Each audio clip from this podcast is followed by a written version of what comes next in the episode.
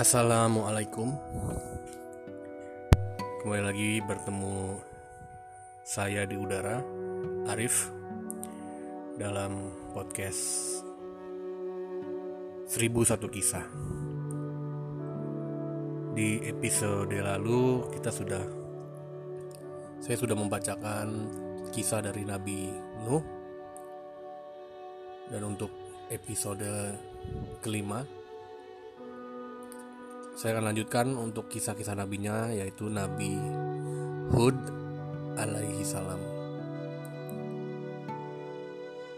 Buat teman-teman dibantu untuk share podcast ini supaya bisa lebih berkembang lagi. Bismillahirrahmanirrahim. Selamat mendengarkan.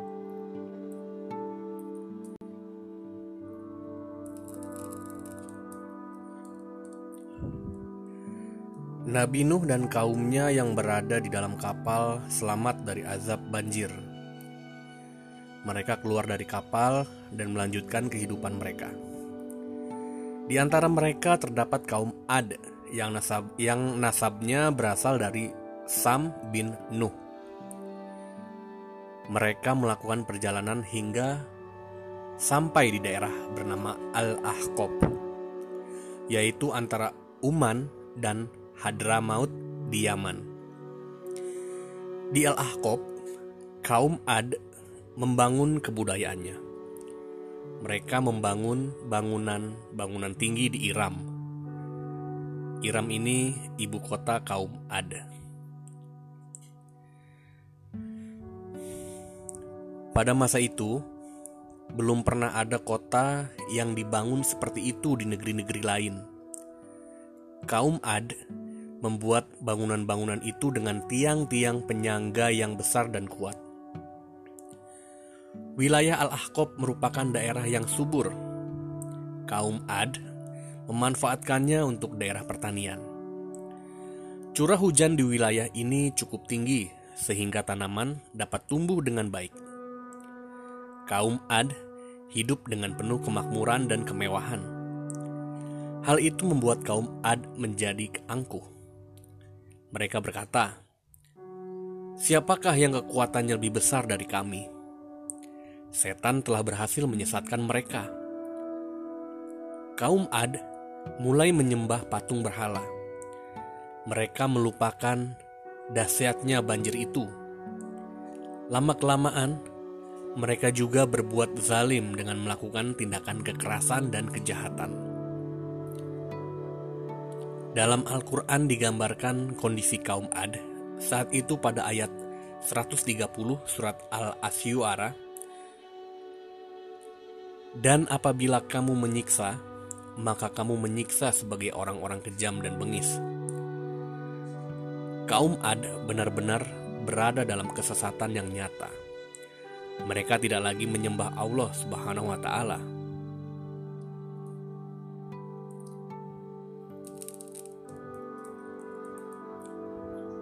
Karena kaum Ad telah berada dalam kesesatan, Nabi Hud diutus oleh Allah untuk berdakwah.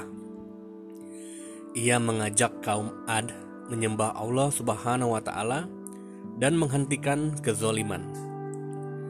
Di hadapan kaum Ad, Nabi Hud berkata, "Hai kaumku, sembahlah Allah.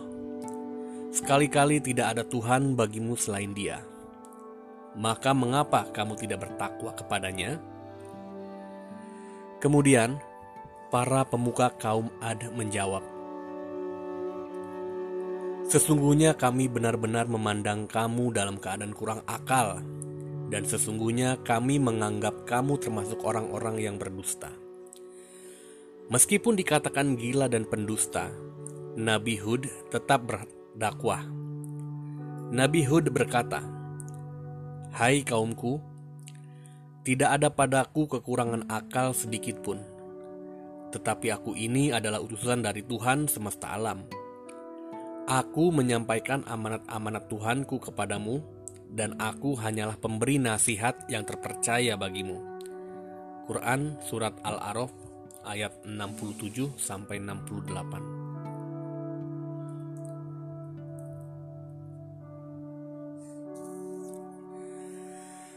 Kaum Ad tetap menolak seruan Nabi Hud.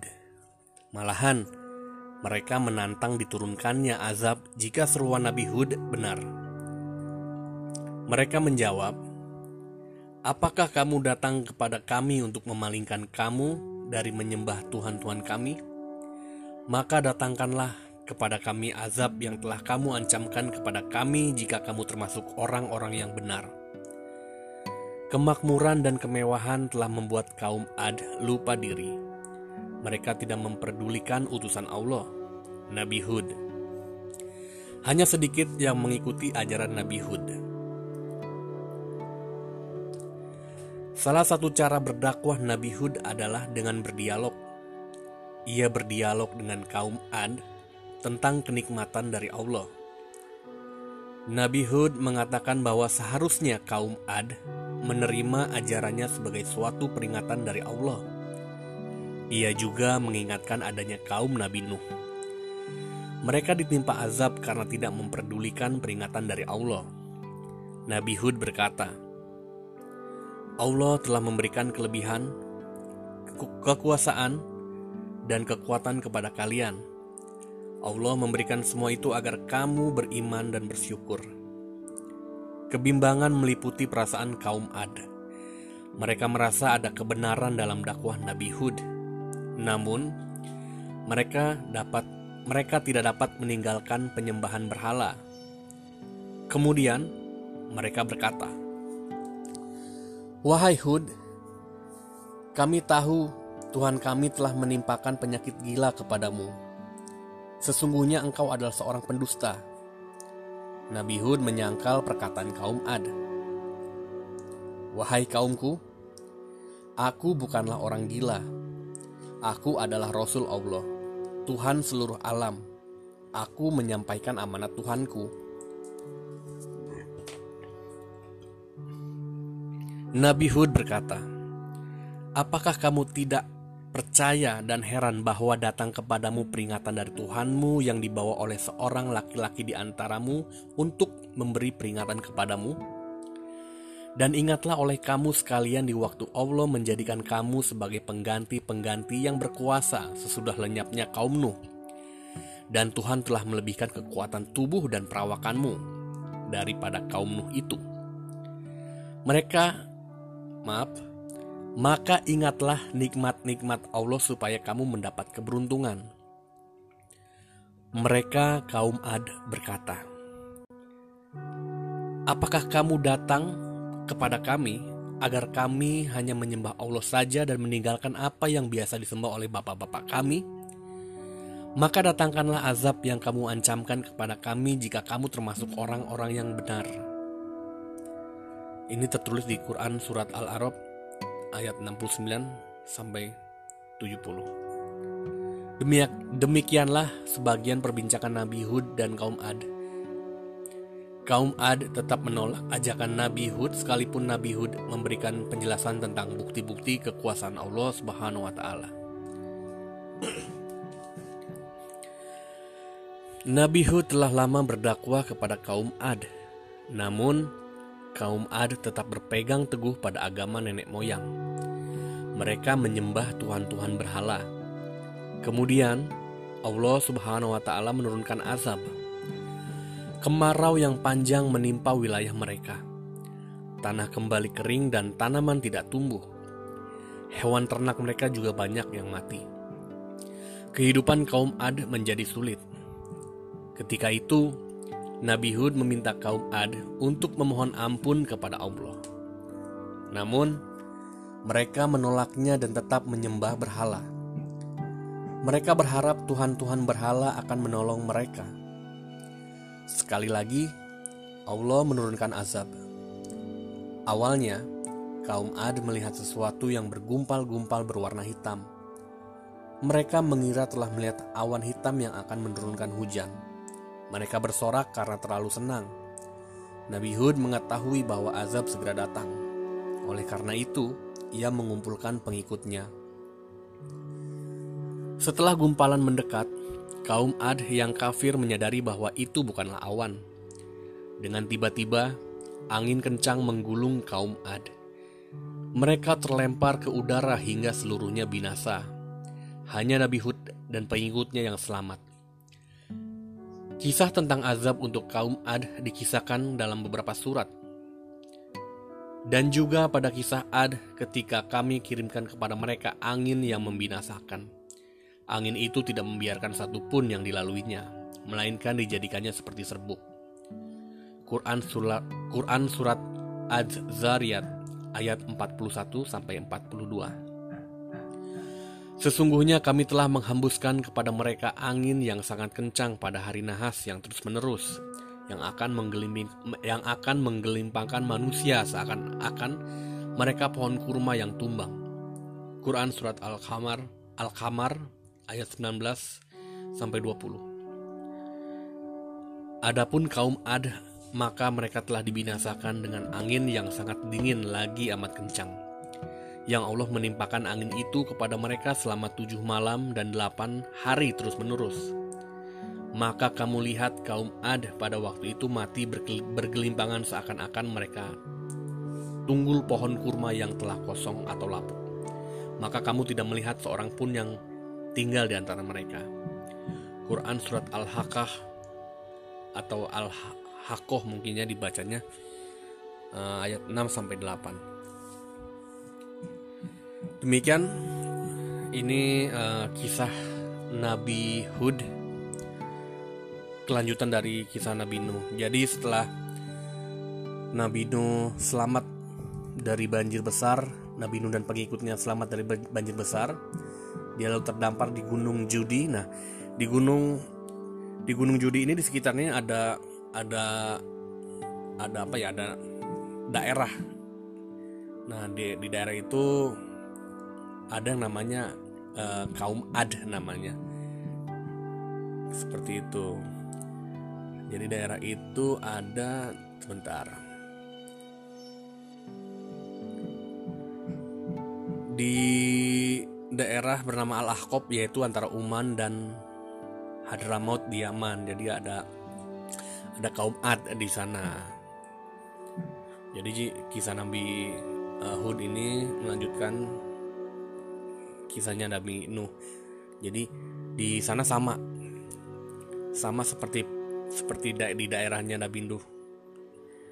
Warganya masih menyembah berhala lalu intinya uh, kesimpulannya Nabi Hud ini sama seperti Nabi Nuh mengajak kaum kafir ini untuk menyembah Allah bukan menyembah berhala tapi malah nantangin. Jadi warganya sama-sama nantangin malah dibilang gila gitu nabinya. Ya udah karena nantangin dikasihlah tuh kalau di Nabi Nuh kan dikasih banjir azabnya tuh banjir. Sampai orang kafir tuh tenggelam semua. Kalau di sini di kisah Nabi Hud ini azabnya adalah angin. Jadi angin pertama kekeringan dulu karena kan eh, di kota Al Ahqab ini di kaum Ada ini negerinya itu subur dijelaskan negerinya subur buat pertanian bagus pokoknya tanahnya. Nah, sebelum ada azab yang kedua itu eh, negeri ini dibikin kekeringan. Udah kering gitu sama Nabi Hud disuruh minta ampun sama Allah beriman kepada Allah taubat agar kekeringan ini disudahi tapi tetap ngeyel malah nantangin minta azab lagi. Ya udah yang kedua dikasih azab uh, angin jadi kalau yang dari surat dari surat al haqqah ayat 6 sampai 8 ini angin yang diberikan Allah kepada kaum Ad ini selama jadi anginnya tuh udah dingin kencang lagi. Kencang aja udah udah mantep ya apalagi tambah dingin gitu. Meriang meriang tuh. Nah jadi tujuh hari dia dikasih selama tujuh hari. Tuh bener di surat al haqqah ayat 6 sampai 8 Sorry tujuh malam delapan hari. Ya habis ya. Itu nggak harus tujuh malam delapan hari sebenarnya. Tiga hari berturut-turut juga udah kelar pada meninggal semua itu kaum kaum durhaka penyembah berhala tuh.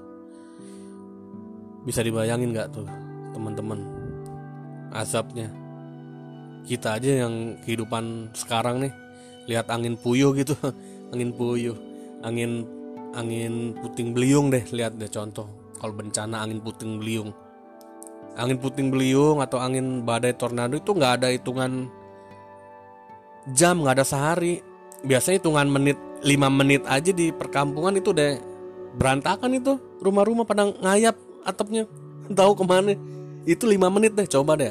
Angin puting beliung taruh tuh di pemukiman warga 5 menit aja. Kelar udah semuanya. Ini 7 hari 8 malam bayangin. Masya Allah. Ngeri banget. Ngeri. Itu azab. Oke segitu dulu untuk episode kali ini. Tetap bantu di share podcastnya. Iklannya jangan di skip biar saya tambah semangat lagi. Yang mau donasi juga boleh. Atau kalau mau kirim saran dan kritik untuk sementara ke email dulu di aju underscore malesco at ymail.com jadi saya eja ya berat jadi emailnya a j u underscore m a l e s c o at ymail.com jadi sementara nunggu saya bikin IG dulu IG-nya nanti namanya kisah uh, 1001 kisah IG-nya nanti akan dibuat biar lebih gampang teman-teman pendengar setia 1001 kisah bisa berkomunikasi dengan IG 1001 kisah juga. Oke, terima kasih banyak. Semoga kisah kali ini bermanfaat dan bisa diambil hikmahnya. Kita pernah tahu kalau angin puting beliung itu udah ada di zaman Nabi Hud.